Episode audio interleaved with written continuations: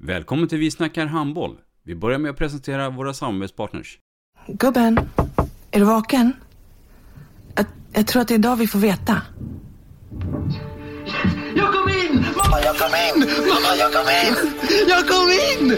Ah! Vi finns där du är när livet förändras. För alltid välkommen till Länsförsäkringar. Nej men, ska du ha t-shirt på dig? Du, det är ingen vanlig t-shirt. Det är en nya bollar till klubben t-shirt. Och så matchar den grillkryddorna vi ska använda. Hur då? Men det är ju alla ska med på klassresan grillkryddor. Stötta barn och unga. Shoppa på newbodyfamily.com. Länge leve föreningslivet!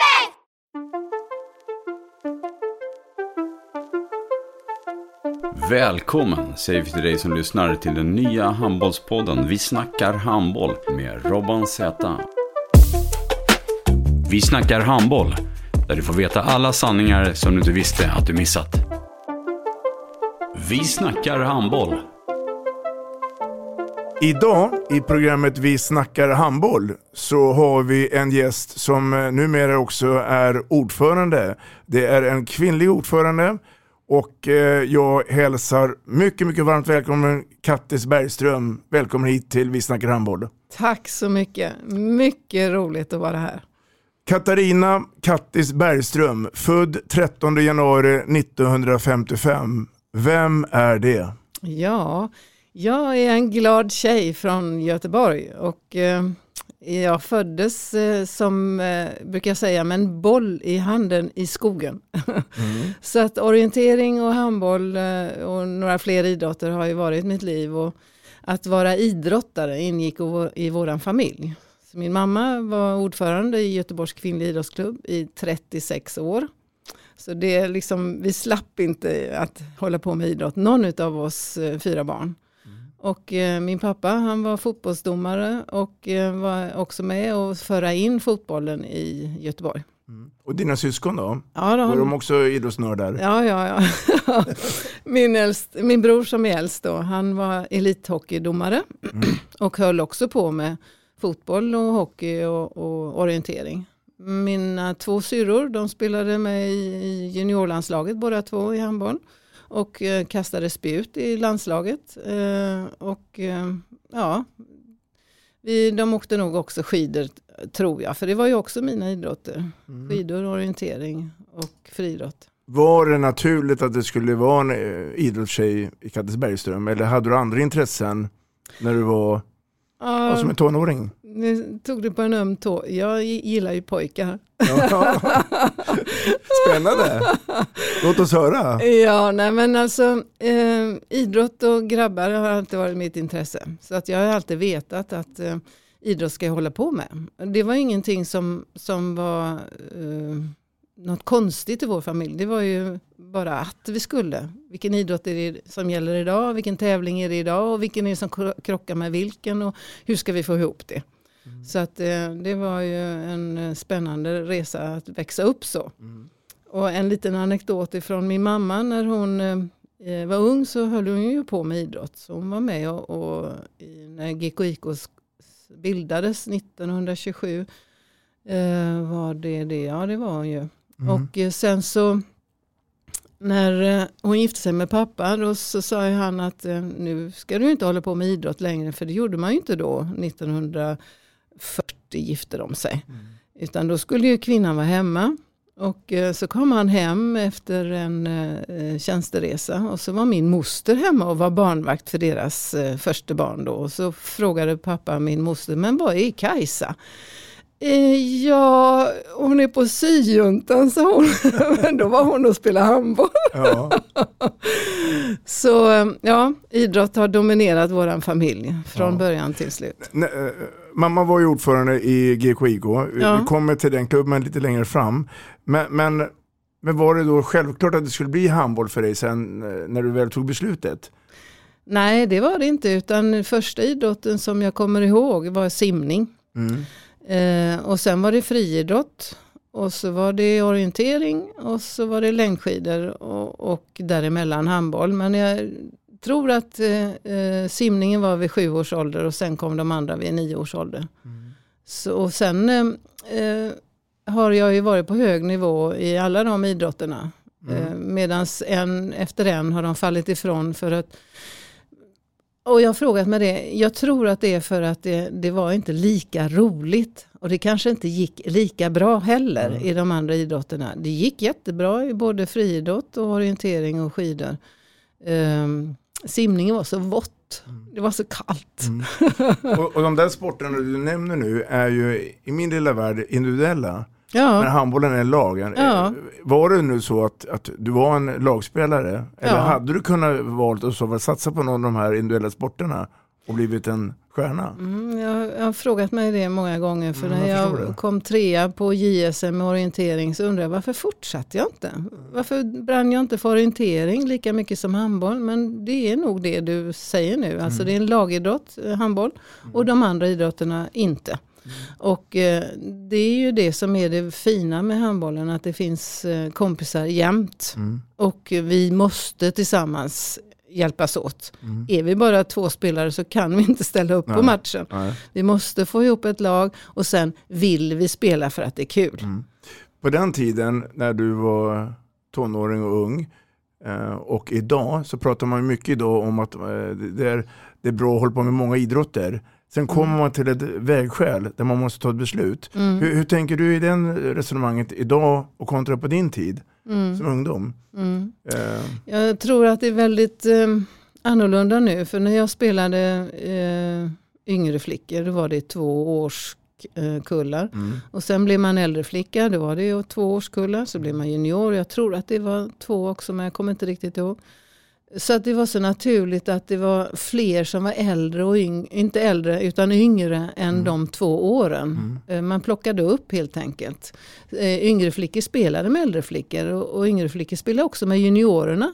Så det var inget konstigt, man hade ett lag och i vissa eh, tillfällen då så var man färre för att det var yngre flickor som spelade, då var inte juniorerna med. Medan när det var juniorer då var ju yngre flickorna med.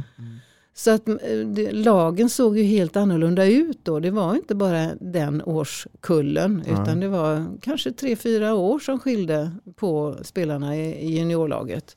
Och det tror jag också gav en, en sån här mentorskap. Så att de små behövde inte lyckas utan de kunde få se och träna och försöka lyckas i- med hjälp av de äldre. Så det blev liksom en plantskoleverksamhet som inte finns idag för att det duger man inte när man går in och ska spela då hamnar man på bänken som mina söner gjorde. De dög men de hamnade på bänken i alla fall. Eh, vilket jag var väldigt stor motståndare till eh, att man sållade så tidigt. Att bänka spelare, det liksom, borde vara förbjudet i ungdomsidrotten. Du, eh, skoleleven Kattis Bergström, Mm. hur var hon? Ja, jag, jag ska gå tillbaka till våran trädgårdsmästare som vi hade när jag var liten. Och han sa, den minsta hon är värst. Och det var jag det. Så jag är yngst utav fyra syskon. Eh, och eh, jag var ju inte värst. Det var ju bara det att jag, när jag tänker efter på den, den kommentaren som jag fått hört hela livet då, så tänker jag att jag hade så mycket glädje i kroppen. Jag ville så mycket. Jag klättrade i trä och jag, jag liksom slog mig på knäna för att jag åkte rullskridskor. Och det var full fart så det var inte lätt att hålla still mig.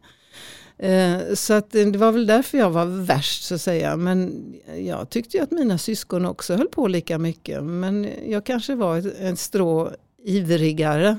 Och det var väl också svårt kanske för lärarna att eh, hålla pli på mig. Så att jag blev utsedd till ordningsvakt. det var enda sättet för att få pli på mig att jag fick vara ordningsvakt tror jag. Ja. Så att, eh, och det gav mig jättebra inskolning till att hålla reda på saker och ting. Det var väldigt bra träning. När du var på väg att lämna skolan, hade du då klart för dig vad du ville bli i det civila? Eller är det någonting som vuxit fram senare med åren? Ja, det har fladdrat lite för pappa var ju både civilekonom och civilingenjör och eh, min, min bror valde vägen civilingenjör och eh, min nästa syra valde lärare och min andra syra va- valde arkitektur. Eh, Så att jag, hade ju många förebilder på olika håll. Eh, och därför så, de förebilderna jag hade vi- vill jag ju likna på något sätt så, så började jag plugga till civilekonom. Som att gå i pappas fotspår. Och det var väl någonting för att ära honom. För han dog när jag var 12 år i lungcancer. Och eh, det är klart att jag saknade honom. Så jag ville ju liksom gå i hans fotspår. Men också vilja liksom visa de här killarna som var i de här rummen som var chefer eh, och som var ekonomer. Eh, att här kan en kvinna också vara. Så där var ju mamma en väldigt stor förebild och, föregångare att visa att som ordförande kan man också vara kvinna. Eh, och det gjorde ju att jag började plugga ekonomi och det var väldigt kul. Men sen när jag kom till nationalekonomi så var jag inte riktigt med längre i, på tankesättet. Jag hade svårt att, att få in tankesättet eh, då. Men Blev det svårt?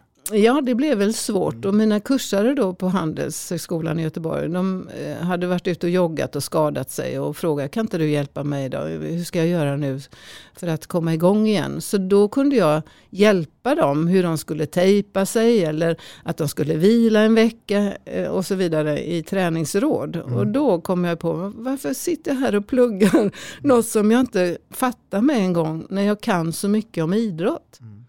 Så då blev det ganska så solklart att eh, nej men, jag söker in på GH. Så, så det var så det började med att jag sökte mig in på GH. Och sen när jag väl gick där så var jag väldigt eh, konfunderad för att jag hade ju då spelat i GKIK i många år. Och så när jag kom in på GH så fick jag spela med Stockholmspolisen, Sveriges bästa gäng då. Och som jag hade längtat till för att Amme och Ampan och jag hade blivit kompisar i landslaget. Eh, och då när jag kom upp så blev det liksom hallelujah moment. Äntligen får jag spela med det- bästa gänget i hela Sverige. Alltså där fanns ju landslagsspelare på varenda position. Så om jag spelade ut bollen på kanten så visste jag att jag skulle få tillbaka den. Det var inte så att den ru- rullade ut till inkast. Eh, och eh, det var ju en dröm att få spela med Stockholmspolisen. Eh, så att rollerna i, i GKIK och i Stockholmspolisen var ganska lika. Men i, i GKIK var det högre krav på mig. Men ändå så var det olika för att eh, eh, i polisen var jag ju inte den dominerande spelaren. Så jag spelade i ett lag där jag var dominerande i GKIK och det är ett lag som jag var lagmedlem, Stockholmspolisen och sen i landslaget. De här tre olika rollerna som jag hade då, de var väldigt konfunderande för mig. Varför känner jag och tänker jag och gör jag så olika i de här tre olika lagen? Så det, det, det var ju starten till mitt intresse för idrottspsykologi då. Jag tänkte vi skulle stanna där i, i tiden och prata just om GKIK, Göteborgs kvinnliga idrottsklubb. Yes. Minns du de första tränarna eh, i din karriär? Mm. Vem, vem, vem, vem hade du? Mm. Och när du säger karriär så börjar jag från början då. Ulla hette min första när jag var liten. Mm. Och sen var det Harry Timell som var typograf och som var en underbar eh, Ja, han var un- underbar som tränare. Han såg varenda av oss spelare. Vi var viktiga. Och sen efter honom så hade jag Lennart Nyström. Nysa ifrån eh, Frölunda spelade han i då. Och sen efter det Ingvar, eh, glömt efternamnet. Eh, Det kommer. Ja, eh, och sen, eh, ja, Kurt hette han då efternamn. Kommer jag inte heller ihåg. Nej, det gör ingenting. Det gör ingenting. Eh, ja, Men hur som haver så, så var GKIK en, eh, en, eh, får man säga, en maktfaktor, alltså en, en, en stabil förening eh, mm, på elitnivå också. mm. Alltså GKIK eh, var ju i, eh, det hette ju inte elitserien då, det hette allsvenskan, i Mm. många, många år. Eh, Men det hände saker som att en tränare eh, tog halva A-laget med sig och bildade en ny klubb. Och sen var det likadant några år senare. Så det var ju eh, många spelare som försvann och många krafter som försvann. Men det var innan jag var seniorspelare då. Eh, Så det var ju söndringar men ändå var vi kvar i allsvenskan. Men inte som något topplag då när jag kom med utan eh, vi var väl eh, på mitten hela tiden. Det fanns ingen chans att vi skulle spela någon SM-final eller så. Det tror jag inte, inte Ja. på den tiden. Ja. Det Jag var ju bara polisen då 12. Som, Jag var bara 12 år när jag Ja. började i A-laget.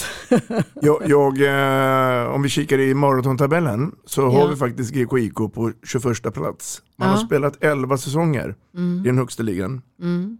Och allting började 74-75. Mhm. Och man ramlade ut 1986. Mhm. Ehm, Mm. och GKIK idag då? Mm. Finns det överhuvudtaget? Vet du det? Nej, jag eh, är osäker. Jag tror inte det. Men, inte i handboll men däremot i eh, friidrott och orientering tror Mm. jag. Mm. Mm. Mm. Hur som haver så var det så då att 79 så Mm. lämnade du Göteborg Mm. och flyttade upp till Stockholmspolisen. Mm. Nu börjar det hända saker och ting i Mm. livet. Låt oss få höra den resan. Ja, alltså att eh, flytta till Stockholm som jag sa förut då, det var ju väldigt eh, spännande för att eh, då kunde jag tillsammans med eh, polisen-tjejerna genomföra den träningen som jag hade längtat efter. Innan var det ju en träning som var både för mig själv men också med laget. Men nu kunde vi träna den mängden som jag tyckte att man skulle göra för att eh, eh, dels så Alltså i Stockholmspolisen så vill ju varje tjej spela Mm. mycket och träna mycket. I Göteborg så ville många spela men kanske inte träna lika mycket. Eh, och det var det som jag förstod var skillnaden på att ha en match så som det var när jag var eh, yngre flicka och äldre flicka när jag bara öste in mål. Mm. Det var skillnaden att träna. Och i och med att jag tränade så många idrotter då när jag var liten så förstod jag ju att det, det var någonting där som behövdes till. Och det fick jag möjlighet i Stockholmspolisen då. Dels med Roffe Nilsson då som tränare och sen med Evi Nordström. Mm. Så att eh, det var ju en, eh, eh, en träningsökning. Plus att jag började ju på GIH och där, träningen där var ju oftast en antingen förmiddag eller eftermiddag och resten teori. Så att Mm. varje dag var ju full studiedag. Mm. Medan hälften av dagen var oftast fysiskt aktiv. Så att det första som hände egentligen efter kanske eh, fyra, sex, sju veckor var att jag fick hjärtmuskelinflammation. för att jag tränar för mycket. Mm. Så från detta att inte haft möjlighet att träna mycket, eller möjlighet hade jag väl haft men inte eh, motivationen. Om, om, om du nu säger att ni tränade för mycket då, tränar man idag ännu mera? Eh, Mm. Eller tränar man annorlunda idag än vad man gjorde på den tiden? Ja, Vad tror du? Ja, det är en svår fråga för eh, eh, de som då pluggar eller arbetar till 100% och spelar på hög nivå. De eh, kan nog inte komma upp i de mängderna som de som har möjlighet att träna varje dag på vardagar. Alltså vardagstid, dagtid. Mm. Eh, så att eh, de som är proffs, som får möjlighet att träna eh, fler timmar under dagen, de tränar nog mer, väldigt mycket mer Mm. än vad vi hade möjlighet att göra. Mm. Eh, och eh, jag tror inte att eh, Stockholmspolisen tränade för mycket utan det var för att jag gick på GIH som jag tränade för mycket. Det blev för lite vila helt enkelt för, för mig. Mm. Landslagsdebut Mm. 1972. Ja, Eh, minns du det samtalet eller den informationen du fick att nu är du med i landslaget? Hur gick det till? Ja, jag är lite osäker men jag gissar att det var Åse som ringde och sa att jag var uttagen och jag blev jätteglad naturligtvis. Mm. Ehm, och eh, jag vet att vi spelade mot Frankrike i Eslöv. Och eh, eh, vi stod på Systembolaget och sålde lotter för att eh, Åse Brundell ville att vi skulle synas. Eh, och ändå var det, tror jag, jag kommer inte ihåg om det var då det var reklam för Spola kröken Mm. också. Så att vi var på bolaget och sålde lotter för Svenska Handbollförbundet. Tror du att den taktiken skulle gå hem idag? Att ungdomslaget inte. står utanför Systembolaget? Nej, vi stod inte utanför, vi stod inne. In, okay, det. ja, hör, Ja. hör upp här, vilken Ja. härlig affärsidé. Ja, ja visst. Ja. Och, och eh, jag har alltid gillat att sälja lotter så att, eh, Mm. det gick jättebra för mig. Men de andra de gillade inte och tyckte det var skämmigt så då, jag fick deras lotter också att sälja. ja, det var ju en, en eh, sidospår på det. Men eh, själva landskampen mot, Eslöv, eh, mot Frankrike i Eslöv, den vann vi. Mm. Eh, och eh, vi hade en väldigt trevlig bankett efteråt också. Och det var ju min första landskamp överhuvudtaget. Eh, så jag debuterade i A-landslaget före junior och U-landslaget. Så att jag visste ju inte att man hade bankett efteråt också. Men det kommer jag ihåg att Robban, eh, heter han, Bobban eh, Andersson hade sagt. Jag räknar inte antal landskamper längre, jag räknar antal wienerschnitzlar. Ja. Och man skulle vara lite finklädd också då. Ja, Eh, mm. ja. ja. Du, ehm, det blev ju en eh, period med eh, 81 Norrlandskamper, ja. 72 och 84. Om vi pratar sportsligt då under den Mm. tiden, vil- Mm. vilka starkaste minnen har du? Mm. För här är ju inte Sverige världsbäst. Man, är, man har en bra bit Mm. kvar Mm. om man jämför med idag, Mm. 2022. Ja, oj då, det var en... en eh, Vi vet ju att ni har haft otroligt mycket sociala härliga Mm. tillställningar. mm, Men jag tänker på det sportsligt, om, om det är något som mm, du minns särskilt av. Mm. Ja, ehm, jag vet en match mot Ungern i Keb när Roffe Nilsson var förbundskapten. Jag tror att det var en av mina bästa matcher. Ehm, och det, jag kan inte avgöra om det var framåt eller bakåt men jag vet att jag var väldigt nöjd med den. Ehm, för jag, var ju, jag tycker att jag var väldigt duktig både framåt och bakåt. Mm. Alltså i försvaret var jag en av de viktigaste. För oftast, man spelade ju 5-1 på den Mm, tiden mycket. Eh, och jag var oftast den ettan som låg ute och, och snodde bollarna. Mm. Ehm, och sen så var jag ju också både trea och tvåa och täckte mycket skott. Mm. Så att, eh, och, och jag skojade med eh, domarna vid Partille Cup och sa det, varför fick jag aldrig guldpipan? Och så skrattade de så in i bäng. och jag fattar inte varför, för jag tycker fortfarande att jag var väldigt schysst som försvarsspelare. Mm. Eh, och det var ju vad jag, jag gjorde ju mitt jobb men jag knuffade och drogs inte utan jag gjorde det som jag skulle enligt reglerna för jag var ju domare själv, jag Mm. kunde ju reglerna. Så att eh, i min värld så var jag tuff. Kände du att du, att du eh, var och blev en bättre försvarsspelare än en anfallsspelare? Nej, jag var lika bra. Ja. Mm. För du spelade en hel del högernio. Ja. Var det för att det inte fanns någon vänsterhänta eller för att man, man trodde på dig? ja, det var nog båda delarna. Det Ja. fanns inga vänsterhänta plus att jag var ju underarmsskytt. Ja. Eh, Så jag kunde ju skjuta ifrån eh, alla eh, positioner. Jag Hade gjort, I GK IK hade vi inga som var utsedda till vänster, mitt eller höger nio. Utan där växlade vi ganska så Mm. friskt. Mm. Så att jag var ju van att skjuta från alla positioner. Så jag tror att när jag kom till polisen så, så var det ju ehm, lite det att um, Ampan var vänsternia, Nilla var mittnia Mm. ja, och då var det ledigt på högernia och Mm. då blev det jag där. Mm. För att Igge Ström ifrån eh, Norge hade just lämnat Mm. högernia plankan. Mm. Mm. Ja, du ser. Ja.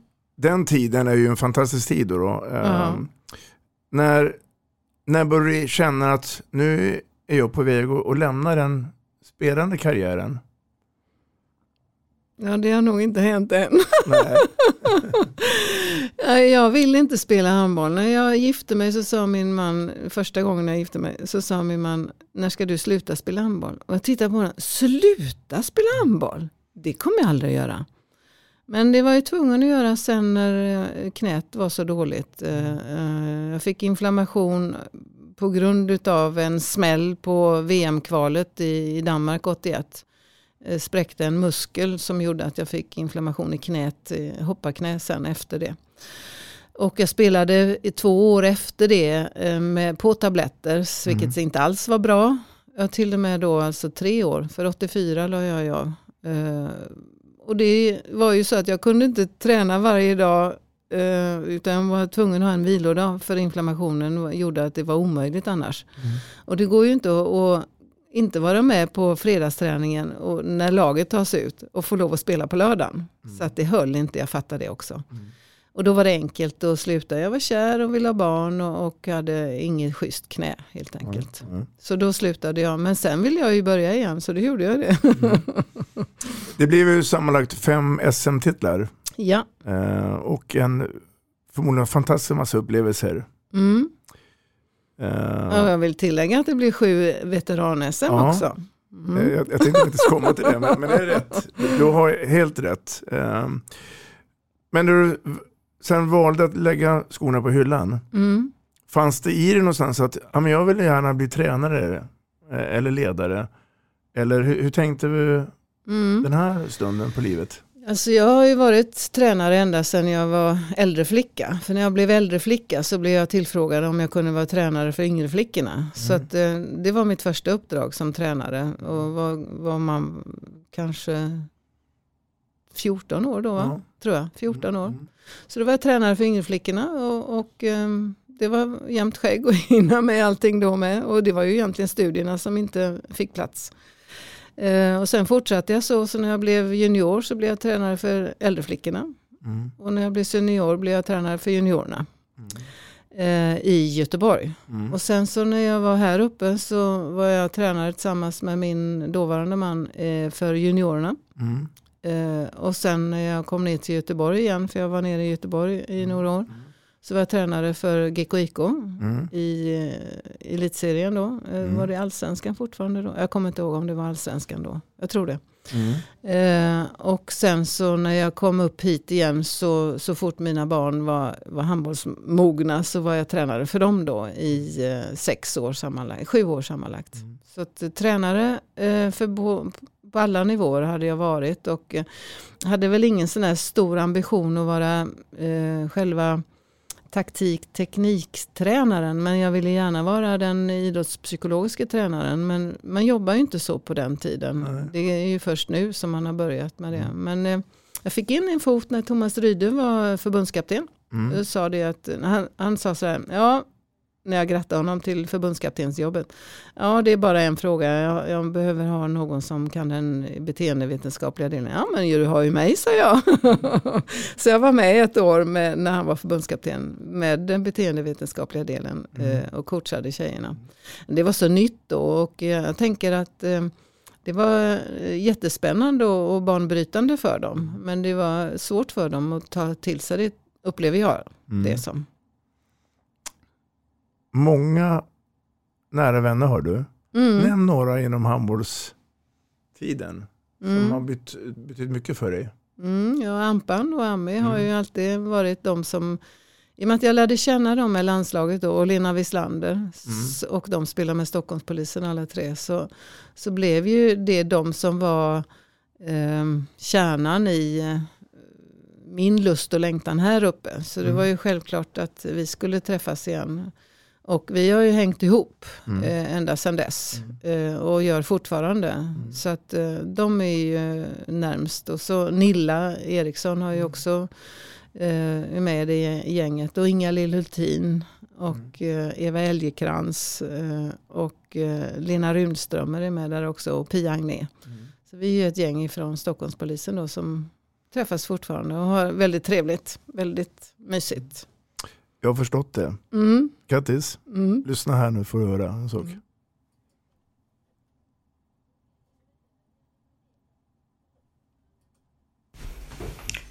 Kattis Bergström. Lena Rundström är här. Robban ringde och frågade om jag ville skicka en hälsning till dig när du var gäst i hans podd. Mer än gärna, svarade jag. Det gav mig tillfälle att stanna upp och reflektera, bland annat över vår vänskap. På en solsemester i Marbella i slutet på 70-talet i en bassäng var det bollen som förde ihop oss. Ja, ni var fem tjejer från Göteborg, spelade då GKIK och så var det Katta och jag som spelade handboll i Hammarby på den tiden. Ja, vi hystade boll till varann i något som skulle kunna efterlikna vattenpolo och vänskap uppstod. Och Kattis, vi har haft massor med kul.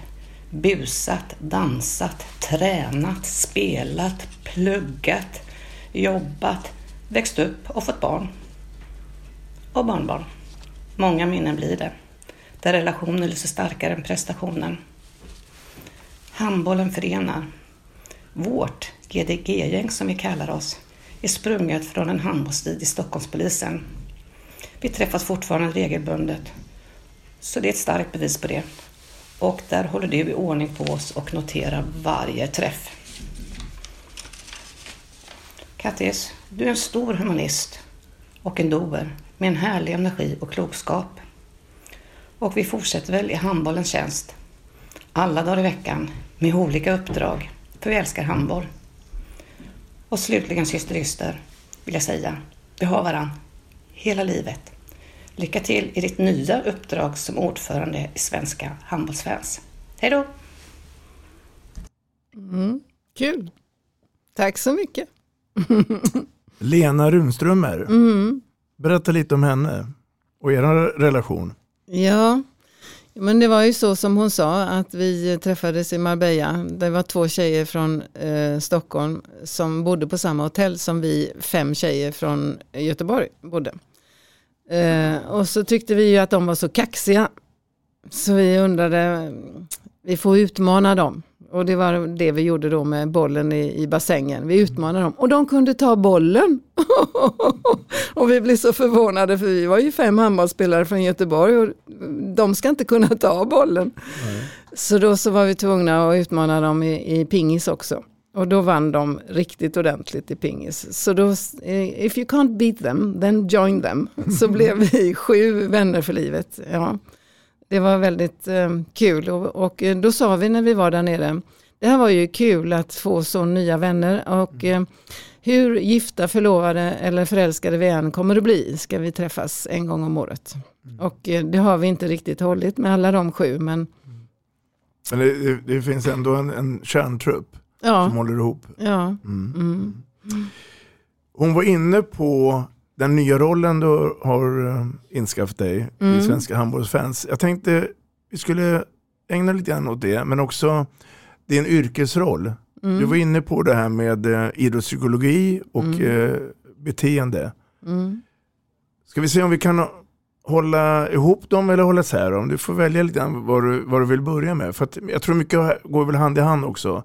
Eh, I och med att också du har haft relationer med handbollen och sen att du blev ordförande i Svenska handbollsfans. Så att, låt oss ta igenom den här resan lite grann utanför den gula handbollsplanen. Mm. Ja, ehm, jag, efter GO var jag idrottslärare då. Ehm, men sen efter några år så tyckte jag att det, det var väldigt mycket som fattades.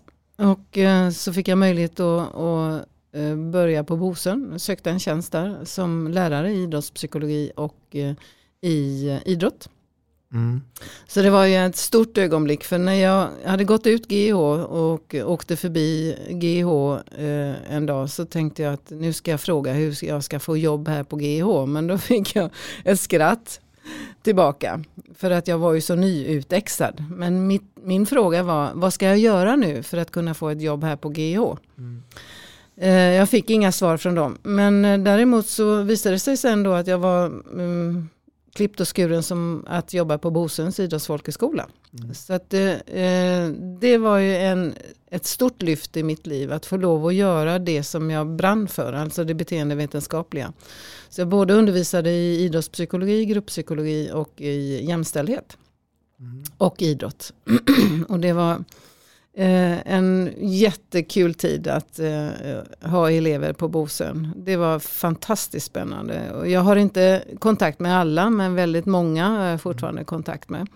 Eh, I och med att det var elever som var 20 år och äldre så var det ju liksom så enkelt att eh, eh, hålla kontakten. Var, var kom de eleverna ifrån? Från hela riket? Ja. Och alla olika bakgrunder? Ja, så att eh, i min, jag hade elitklassen i eh, fyra omgångar. Eh, och de, eh, det var väl någon handbollsspelare i varje klass tror jag. Men sen var det ju då alla idrotter. Judo, innebandy, Mm. fotboll, hockey, curling, alla idrotter.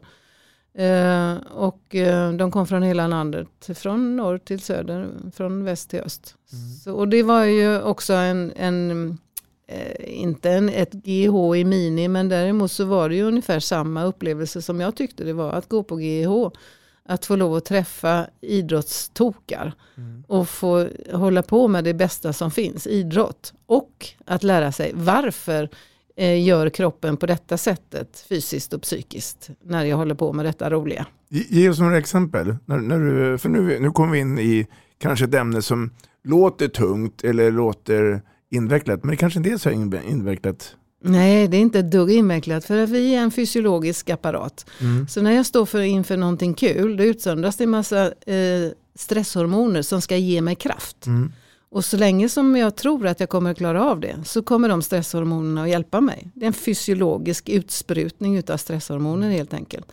Medan som jag blir lite orolig, alltså jag sköt ju inte mål på henne förra gången, kommer det hända igen? Om jag blir lite orolig, då kommer det lite mera stress för att jag ska övervinna den där djävulen där på Ja. andra sidan. Man får svära här. Ja. Eh, eh, och den stressen kanske gör att min koordination inte riktigt stämmer nästa gång då. Och därför kanske jag missar på grund av att jag vill ta i lite mer. Eh, ibland så kan det ju vara så att man blir förbannad. Och då, då kan man ju verkligen eh, bryta ner hinder och göra mål ändå. För att då, då är adrenalinet som rinner till då fortfarande en fysiologisk process. Att det rinner till adrenalin. Som ändå gör att jag blir, blir inte så klok längre. Utan då bara jag dundrar på. Så att eh, den här fysiologiska processen, att förstå den i, i huvudet och i kroppen vad som händer. Det är jättespännande. Det är jättekul tycker jag. Och, och ser du några, några likheter eller olikheter mellan eh, ledare på tjejsidan kontra pojk och herrsidan? Eller? Menar du deras tränarbeteende Ja. eller menar du deras eh, insikt i att eh, jobba med idrottspsykologi? egentligen är det en kombination. Mm. Om jag nu får ge ge ett enkelt svar tillbaka till dig. Då. Men, men ta oss igenom det. För jag, jag tror att det, du kan nog ge oss en, en och annan Mm. läxa här. Ja, alltså tränare som håller på och skäller på sina spelare och talar om alla fel de gör. De kan gå hem och eh, göra någonting annat. Så sätter vi in det andra gänget som är som Evi och eh, Roffe som uppmuntrar till det som funkar. Och som uppmuntrar till att prova igen. Och som tränar att lyckas. Tränar lösningarna. Tränar på att få eh, uppleva framgången. För att om man hela tiden får motgång och får reda på att motgången är eh, också min tränare vet om min ot- motgång. Då blir det bara sämre. För då vet eh, spelaren bara det att ja, min tränare tycker att jag är kass. Och jag själv tycker att jag är kass. Så vad gör jag här då? Det bästa är att få reda på, ja, vad bra att du försökte mm, och vi behöver träna på det du och jag. Jag behöver hjälpa dig över det här hindret. Vi börjar imorgon. Alltså få hjälp till. För hjärnan kommer aldrig att säga ja, ja, det här fixar du galant när man har misslyckats tio gånger innan. Hjärnan kommer säga nej, nej, nej, nej, nej, nej, gå inte dit igen, gå inte dit igen, för det finns ingen lösning.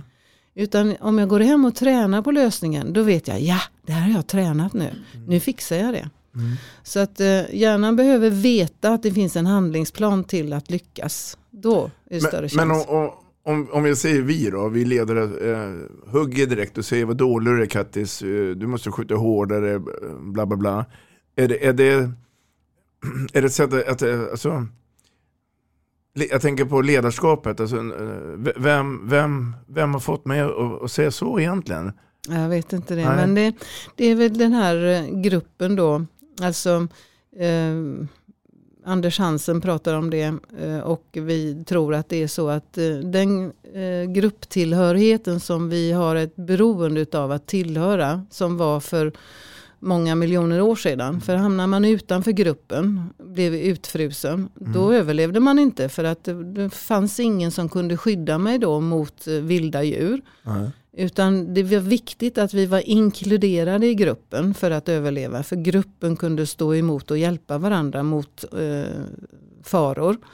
Eh, Den, eh, de generna har vi ju kvar, så vi är rädda för att bli utfrusna. Så när en ledare ser någon som inte gör det som mm, laget har tränat på, då kommer aggressionen, tror jag, jag gissar det, för att man som tränare inte vill misslyckas, för att man som tränare omedvetet inte vet att man inte eh, ska vara kvar som tränare för att man har misslyckats. I Sverige finns ju dessutom den idiotiska teorin, ja men vi avsätter tränaren om han misslyckas. Den tycker jag är idiotisk, för tränaren vet ju oftast precis vad man ska träna på för att bli, eh, täppa den luckan som man har misslyckats med gången innan. Men när du går på olika idrottsevent och, och matcher och det, eh, är det en liten eh, arbetsskada du har då? Att, att du tittar mycket på ledarens roll och eh, han eller hennes beteende äger rum? Eh, och, och, Ja, jag för, försöker inte göra det Nej. för att jag blir så ledsen och förbannad. ja. Det är ju så att eh, eh, om jag går och tittar på någon idrott så vill jag ju koppla av. Mm. Medan om jag är där för att jobba, då Mm. tittar jag gärna på ledarens beteende. För det är ju det som speglar sig på plan sen. Eh, hur de aktiva agerar, om de vågar. Om vi tar våra två högsta ledare, Thomas Axnér och Glenn Solberg, Mm. de respektive herrlandslaget, Mm, eh, som är högst upp. mm. Har, har, du, har du hunnit bilda en, en bild över deras kunskaper i det här? Mm, jag tror det. Jag känner dem inte. Eh, jag har däremot sett dem på bänken, det tv visar. Eh, och det lilla jag har sett ifrån läktaren på VM och EM nu senast. Eh, jag gillar deras ledarskap. Jag gillar det de uttalar sig om spelarna. Jag gillar det jag ser och hör på tv och från läktaren också. Det, jag, jag tror att de är väldigt ehm, balanserade och insatta i idrottspsykologi. Eh, kommunikation överhuvudtaget. Alltså hur jag kommunicerar med, led, eh, med spelarna är ju jätteviktigt att jag som ledare vet. För min, min kommunikation och mitt tillstånd när jag pratar med mina spelare, det präglar gruppen. För att om jag är glad, då är de också glada. Men för att de här spegelneuronerna som vi har inom oss, de, de kan inte låta bli att bli glada då. Medan är jag arg så är det samma sak. Då kan inte spegelneuronerna låta bli att vara arga. Så att det, det är en, eh, jag gillar dem. Jag gillar dem skarpt. Och Johanna också. Mm. Mm. Wiberg, Mm. det är rätt. Ja. Och Martin Bokvist. Ja. Mm. Eh, vill du påstå att Sverige är ett före, före, um, alltså en förebild för övriga nationer just i det här ämnet? Eller, eller hämtar du också inspiration från andra länder? Hur de jobbar med beteende och ledarskap? Och, Ja, jag gillar Norge. Eh, Mm. Upplever jag har ett eh, liknande eh, ledarskap som vi har. Mm. Eh, och eh, jag är lite sämre på Danmark, men jag tror att de också har det. Eh, Medan eh, så länge det gäller öststaterna så drar jag fingrarna åt mig.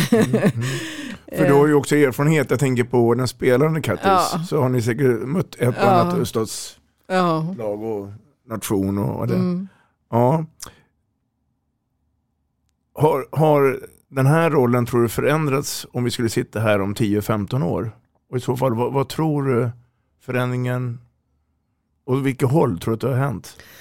Ja, det är, det, det är en Svår bra fråga. fråga. Jag, jag landar, när du säger det så landar jag i Putin och tänker att Putin är ledare i Ryssland. De, kommer aldrig förändra sitt ledarskap. Aldrig.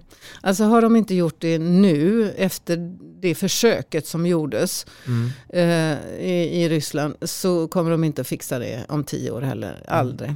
Och eh, det är samma på den kulturen som varje land har, den kommer att prägla landet. Däremot om man importerar tränare från Västeuropa, då kommer Östeuropa att förändras. Men jag tror att... Och det har ju hänt ja, ja. på, på ett bra resultat. Vi, om vi tar exempelvis Per Johansson Mm. Mm. som hamnade i Mm. Rostov i Ryssland. Mm. Mm. Ja, men inte förbundskapten. Nej, Mm. det är sant. Mm. Mm. Eh, Men eh, det är, och det är ju jättebra för att, eh, och han var väl i Rumänien också. ja. Jag tänker att de är influerade, vill någonting mer. De vet att det finns någonting bakom där. Det går liksom inte bara att slå fram resultat ur spelarna. Utan man behöver eh, involvera att spelaren själv vill. Mm. Och det är ju det som jag tänker att detta gäller. Att man blir inkluderad och att man blir trodd på att man har en kraft själv. Det är väl den största och bästa egenskapen. Att man tror på sig själv. Det, det är fantastiskt. Och Om vi går tillbaka till Per så ska ju han, och han har ju redan tillträtt att vara förbundskapten för Nederländerna. Ja, just ja. Ehm, Kanske lite lättare eller, eller också lite annorlunda. Men- som ledare om man kommer till en ny, ett nytt land. Mm. Vad, vad, vad, vad, vad skulle du ge för råd i så fall då, för att, eh, till den eller de tränarna att i första hand eh, ta reda på deras synsätt eller ska man köra sitt eget race? Alltså, jag tänker att det kan vara bra att informera sig om hur eh, kulturen är i det landet man kommer till. Men inte köra deras sätt. Men informera sig och veta om. Så om det är så som jag vet att jag hade en eh, rumänsk eh, volleybollspelare på Bosön. Mm. Hon fick inte dricka vatten eh, när hon spelade volleyboll. Och det var ju förödande när vi var ute på sommarfjäll. Mm. Hon drack inget vatten. Jag gick inte och kollade henne att hon drack vatten. Men det innebar ju att hon kapit- eh, kollapsade. Mm. När vi skulle bestiga ett berg där på sommarfjäll. Och det var ju riktigt dåligt för oss i gruppen. För det blev ju snöstorm samtidigt naturligtvis. Så att informera sig om kulturen i landet, ja man kommer till. Eh, och ha det i bakhuvudet. Och möta den kulturen på det sättet som man förstår är bäst då. Jag skulle ju naturligtvis ha coachat min rumänske volleybollspelare till att du eh, Rosie, har du druckit vatten nu eller gått fram och, och, och stått bredvid henne och druckit vatten? Eh, för den sakens skull behöver jag inte tvinga henne till att dricka vatten. Så att man både vet om vad den kulturen har men också coachar på det sättet som man förstår över diket så att man kommer över på andra sidan. Det tror jag. Vi eh, går vidare. Mm.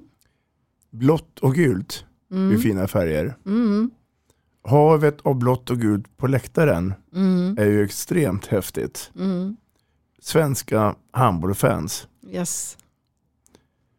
Nu, Kattis Bergström, ska vi gå in på ett, ett nytt ämne här. Då. För att inte länge sedan så har du blivit vald till ordförande Ja. i denna stora, eh, om man nu får säga, eh, gren för svensk handboll. Mm. Berätta, vad är det här för roligheter?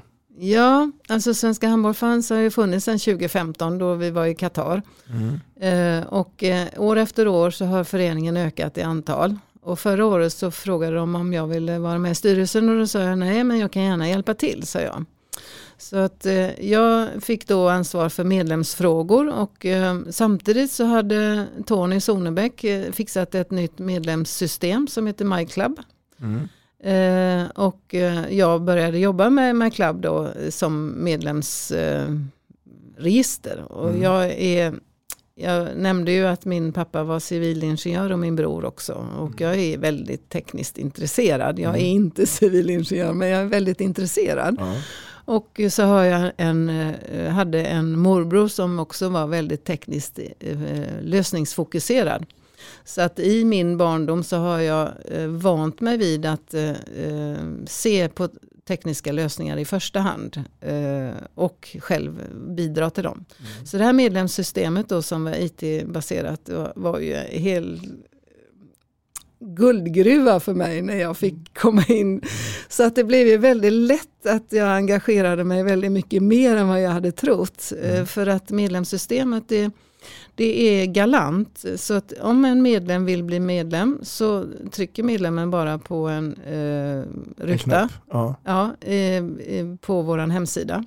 Och så kommer den tryckningen in i My Club.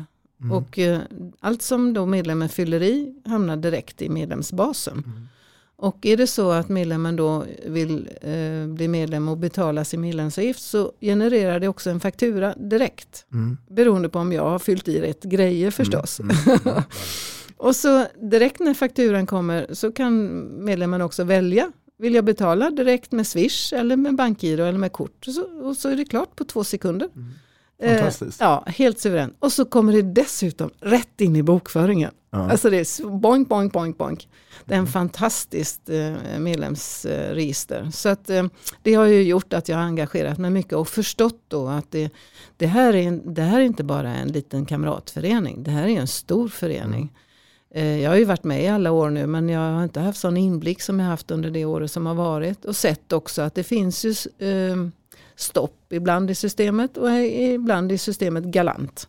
Och just den, de här olika delarna när mängden av medlemmar tillströmmar behöver ju då stagas upp. Så det eh, tänkte jag när jag fick frågan i år då om jag ville bli ordförande. Ja, det skulle jag vilja vara med och göra. Alltså att se till så att medlemssystemet och medlemmarna får den servicen och får de möjligheterna som de är berättigade till när de är medlemmar i Svenska Handbollfans. För det vi ska göra det är ju att se till att det finns många glada Svenska Handbollfans supportrar på läktaren när Sverige spelar landskamper. Eh, oavsett om det är mästerskap eller bara vänskapsmatch. Eh, och eh, det har vi jobbat med sedan 2015 och eh, har redan nu sålt biljetter till VM 2023.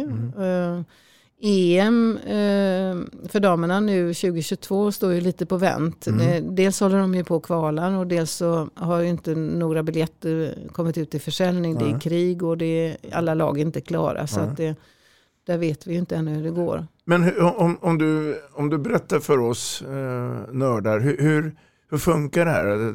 Det blir officiellt med ett mästerskap. Mm. Eh, Sverige tilldelas x antal biljetter. Mm. Eh, och sen så eh, ska det ordnas eh, hotell och, resor och sådana saker. Hur, Mm. hur, hur, fungerar den apparaten?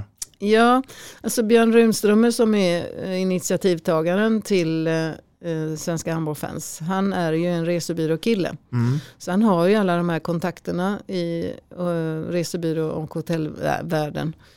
Och sen behöver vi ju varje gång behöver man ju eh, göra en check på vad är det för hotell. Det går ju inte bara att titta på bilder utan man måste ju åka dit och kolla så Mm. att det är schysst också. Mm.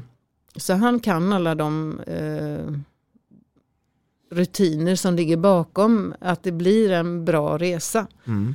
Eh, och så har vi ju då eh, oss andra i styrelsen som behöver då dels undersöka, jaha, eh, är det ett bra hotell eller är det en bra idé eller alltså checka eh, hans idéer. Eh, Mm. och de är ju bra, eh, vi ska bara vara eniga och det är vi. Eh, Mm. Och då sätter vi ut allting till försäljning sen eh, på våra, våran hemsida. Och intresset att vara med i handbollsfans har ju ökat om Mm. inte helt Mm. Fel underrättad. Mm, Det är Eh, jättekul, ja. jättespännande och massa gamla handbollskompisar träffar jag ju jämt. Ja. Oj, det är du! Ja. Eh, Norge har ju något annat liknande, Mm. Handbollens vänner. Eh, finns det samarbete däremellan? Ja. Hur, hur då?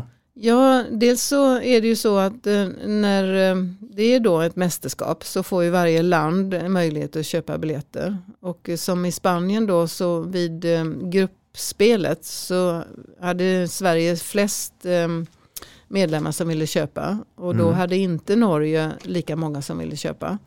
Så då köper ju Sverige eh, biljetter också med tanke på att Norge kanske vill ha. Mm. Och så kan Norge köpa utav oss. Mm. Och så gjorde vi tvärsom då på de andra eh, mellanrundan heter Ja. det inte, det heter huvudrundan. Huvudrundan, ja, precis. Och eh, finalspelet då. Så Mm. att eh, på det sättet då, samarbetar då, då är det ganska snabba puckar eftersom eh, då, då pratar vi här och nu. Ja, Eh, alltså det eh, om vi säger 2023 då så Ja. har vi ju redan sålt biljetter. Så vi vet ju oftast ganska lång tid i förväg vilka det är som är intresserade och hur många.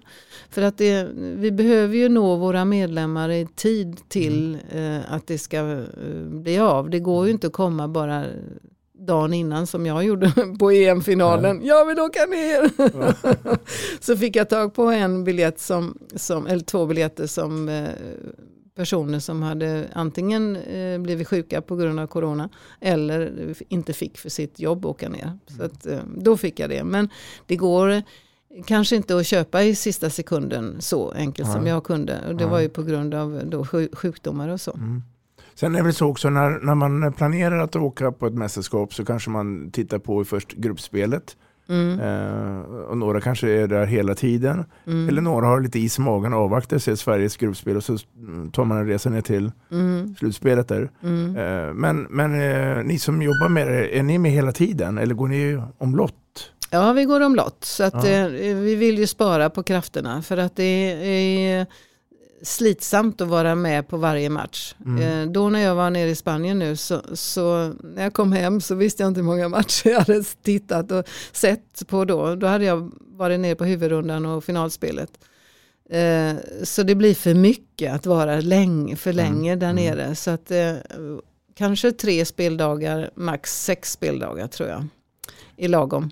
Om, du, om du tar oss igenom en, en, eh, en dag där det ska spelas match på kvällen. Mm. Eh, hur, hur, hur, hur funkar den? Mm.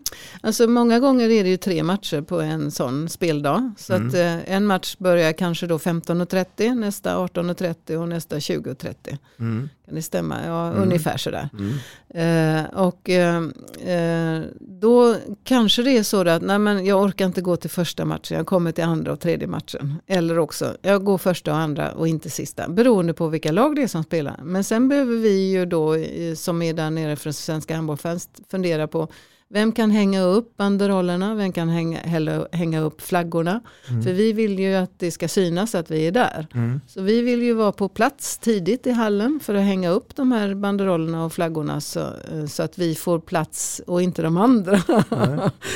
Ehm, för den som är först på plats får ju platsen Eh, och det är ju ett avtal med hallen också att vi får komma in och hänga upp grejerna. Eh, och de hänger ju uppe då hela kvällen och sen ska de tas ner. Så Mm. att eh, koordineringen är vem hänger upp och vem tar ner. Eh, och se till så att det hänger kvar under tiden också. Mm. Mm. Men eh, eh, är det så också då att när ni, för jag vet att ni har ju några sådana här uteställen när man samlas och så tar man kanske någonting och, och äta eller dricka och så går man till arenan. Ja. Funkar det då ungefär som med olympiska spelen att du har ju fanbärare så du går längst fram och så kommer resten bakom? Ja, jag har ingen fana längst fram men oftast så brukar det ju vara någon av oss svenska handbollsfans som visar vägen om det är första gången som gruppen eh, ska ta sig till arenan. Eh, och vi har ju en fanzone på varje ställe så att eh, ja, vi träffas på fanzone oftast och sen åker vi tillsammans till arenan.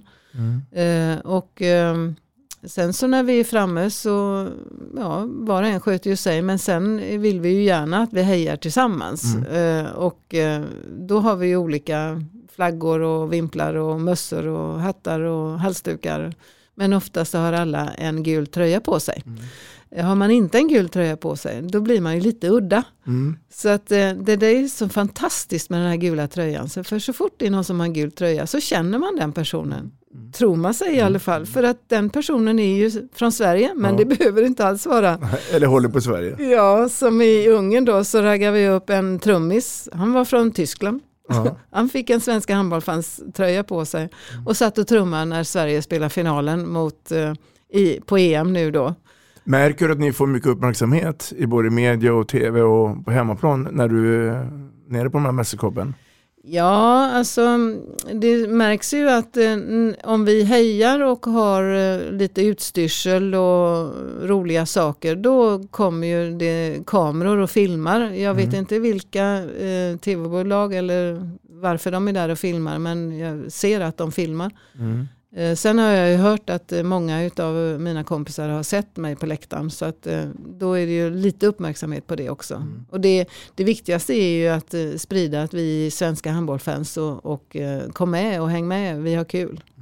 Kä- Känner du att spelarna i både dam och herrlandslaget är, med på noterna och hyllar er och tackar er efter matcherna? Och det? Ja, de är Ja. ju så gulliga och rara. Varje gång så gör de det och det är så himla kul. För jag tycker ju att det är mig de hejar på. Ja, det, Ja. Varför inte? Ja. Mm. Eh, ja, spännande. Hur, hur, hur stora kan den här klubben bli då? Finns det någon eh, begränsning? Eller? Nej, det gör det inte. Det gör det inte. Mm. Finns ingen begränsning alls. Och, och det här är en fristående organisation En ideell förening. Ja, gentemot Handbollförbundet.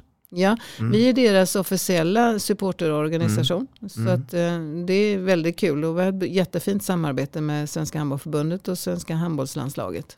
Det är vi mycket tacksamma för. För att eh, det gör ju att vi kan få vara med lite på deras eh, eh, avtal så att säga. Mm. Mm. När det är vanliga då, landskamper, träningslandskamper, är ni Mm. med då också? Eller lägger ni krutet på de stora mästerskapen?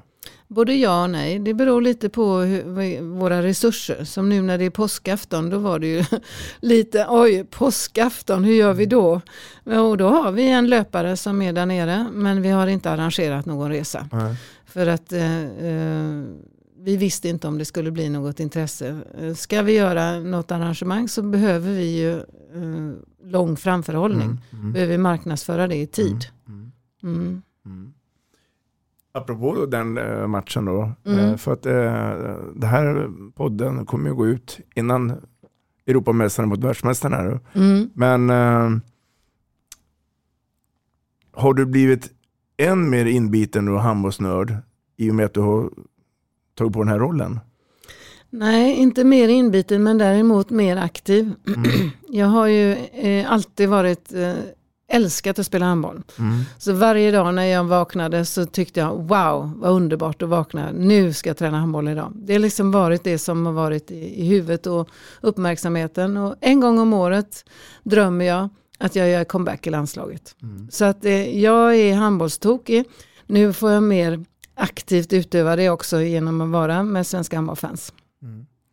Kattis Bergström, Mm. nu är det så att tiden har kommit ikapp oss.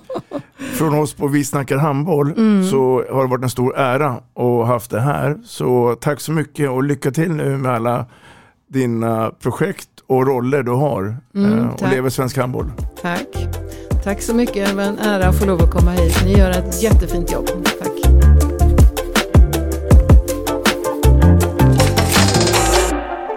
Vi snackar handboll, där du får veta alla sanningar som du inte visste att du missat. Vi snackar handboll. Vi snackar handboll produceras av produktionsbolaget High On Experience, från vision till passion. Ett avslutande tack till våra samarbetspartners. Hallå! Kommer ni eller? Ja, ja. Har du sett mina ankelsockar? De här? Nej, nej, jag menar skridskoslip till juniorlaget Ankelsockarna. Ja, men kolla bredvid träningsläger med handbollstjejerna-t-shirtarna. Stötta barn och unga. Shoppa på newbodyfamily.com. Föreningslivet! Gubben, är du vaken? Jag, jag tror att det är idag vi får veta. Jag kom in! Mamma, jag kom in! Mamma, jag kom in! Jag kom in! Ah! Vi finns där du är när livet förändras. För alltid välkommen till Länsförsäkringar.